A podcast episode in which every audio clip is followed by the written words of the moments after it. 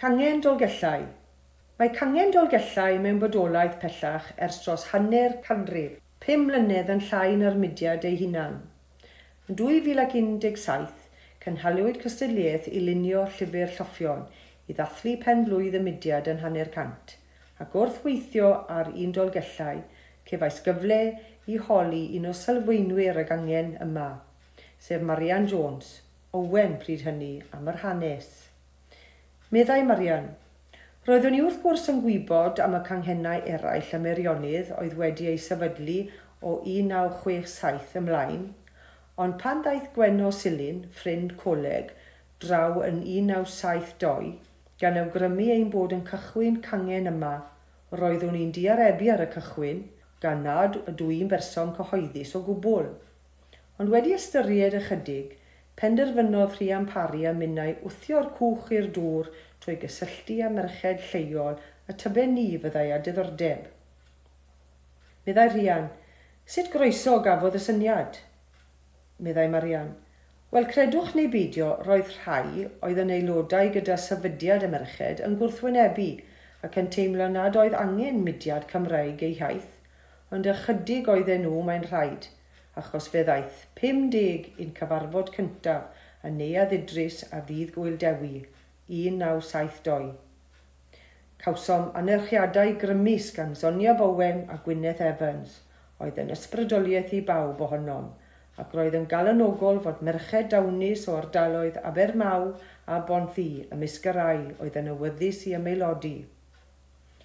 Meddai Rian, ac fe gawsoch chi ethol yn lywydd cyntaf meddai Marian. Do er synod mawr i mi, gymaint syndod fel i mi fethu ddod o hyd i eiriau addas i wrthod yn erfasol, ond drwy drigaroedd cafodd swyddogion gwych eu hethol i roi gangen a'r seiliau cadarn ac mae llawer o'r clod yn ddyledus iddyn nhw.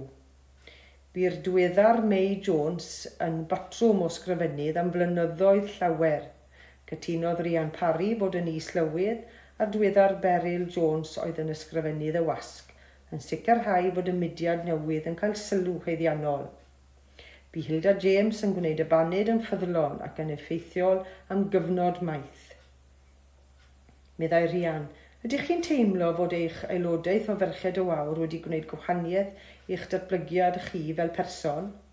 Meddai Marian, Fe wnaeth les mawr i mi o ran fy helpu i ddod yn fwy hyderus yn gyhoeddus ac wrth gwrs fe wnes gyfeillion oes yno. Meddai Rhiannon, wnaeth y gangen rhyw wahaniaeth i'r gymuned leol? Meddai Marian, er ein bod yn siom fod nifer o aelodaeth wedi gostwn, a'r gyfertalaidd oedran tipyn yn hun, rwy'n teimlo fod aelodau'r mudiad wedi rhoi hwb i gymreictod y dref – a llawer o arian wedi ei godi i achosion da. Hir y peri. Rhai o aelodau cangen dolgellau yn nyddiau cynnar y gangen ar ymweliad a chapel Salem, Cwm Nantcol, tua 1973-74. Mae'n bir debyg fod teimladau Marian ynglyn â'r profiad o fod yn aelod o Ferched y Wawr yn cael ei rhannu gan lawer aelod. Mae aelodaeth cangen dolgellau erbyn hyn o ddeutu deg ar hugain, llai nag yn yr gorffennol, ond yn parhau nifer barchus o ferched Cymraeg y dref.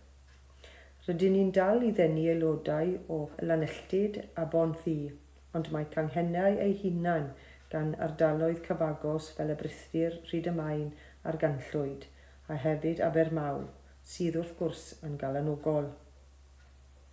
Byddwn nhw'n cyfarfod yr nos ferched cyntaf y mis fel reol, ac yn ddiweddar penderfynwyd dymud o'r garchfan yn hi siamas ac mae'n debyg mae yn y llyfrgell rhydd fyddwn ni am eleni. Bydd pwyllgor y swyddogion yn llunio rhaglen difyr o gyfarfodydd ar gyfer pob blwyddyn yn gyfuniad o sgyrsiau gan ymwelwyr amrywiol, rhai cyfarfodydd gan ein helodau dawnus ein hunan, a chyniawau dathlu'r nadolig a gwylddewi ym mwyta'r fro. Byddwn hefyd fel arfer yn cynnwys noson o ryw weithgarydd sy'n bosib i ddysgwyr Cymraeg yr ardal ddod i'w mwynhau a chael cyfle i wellau sgiliau drwy sgwrsio gyda'r aelodau. Rhai o'r nosweithiau hynny oedd dawnsio gwlad, cwis hynod difyr yn seiliedig ar eiriau cafodd ei ddyfeisio gan Rhian Beb o gangen dysynu. Noson o gemau bwrdd a phethau eraill tebyg sy'n cynhwysiol a ddifur i ddysgwyr. Yn y gorffennol buon hefyd yn gwahodd cynrychiolydd o elusen sy'n gweithio'n lleol a chenedlaethiol i ddod draw i egluro amcanion ei gwaith. Ac mae'r aelodau yn dod y denteithion i'w gwerthu ar fwrdd moes a ffrin er mwyn codi arian i'r elusen dan sylw. Bydd hyn yn golygu ein bod yn prynu eitemau'n gilydd fel arfer – ond pa wahaniaeth am hynny. Bydd criw gohelaeth yn mynd ar drip ddeuddydd i Llundain fel arfer ym mis Chwefror, gyda'r trefniadau'n cael eu gwneud yn amyneddgar iawn gan Mona Hughes. Ceir gwybdaeth yn mehefin ac mae rhai yn glynu'r cof fel ein trip bws ar ddiwrnod crasboeth o haf rai blynyddoedd yn ôl i Nant Gwrtheirn am goffi ac i ddysgu mwy am ei gwaith i blas yr hiw i weld y tŷ a chael ein tywys o gwmpas ar ardd gan roi sel ein bendydd ar ei tŷ te newydd sbon danllu ac ymlaen i bwllelu am swper. Dim peryg o fod ar lwgu yn ein cwmni ni. Mae llawer o'n osweithiau hefyd yn gofiadwy, fel bon llefau o chwerthin pan ddaeth Kit Griffiths Ellis yn wraig gwadd i'n cynio gwyl ddewi, a dweud eu hanesion fel uchel sirif Gwynedd, neu'r noson difyr iawn yn trafod meinteison gwynio eich dillad eich hunan gan arweinydd corawl amlwg a thrwysiadus ddaeth a'i dillad hefo hi i'w dangos.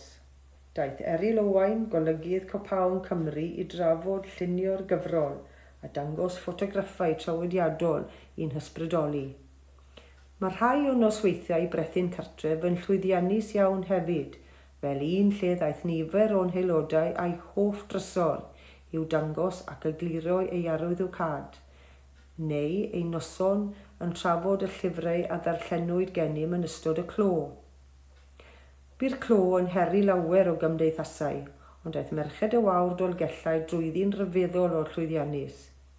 Diolch i'n swyddogion ymroddgar, a daliodd y cyfan at ei gilydd, y swyddo datblygu gweithgar a'r swyddfa galanogol am ei holl darpariaeth.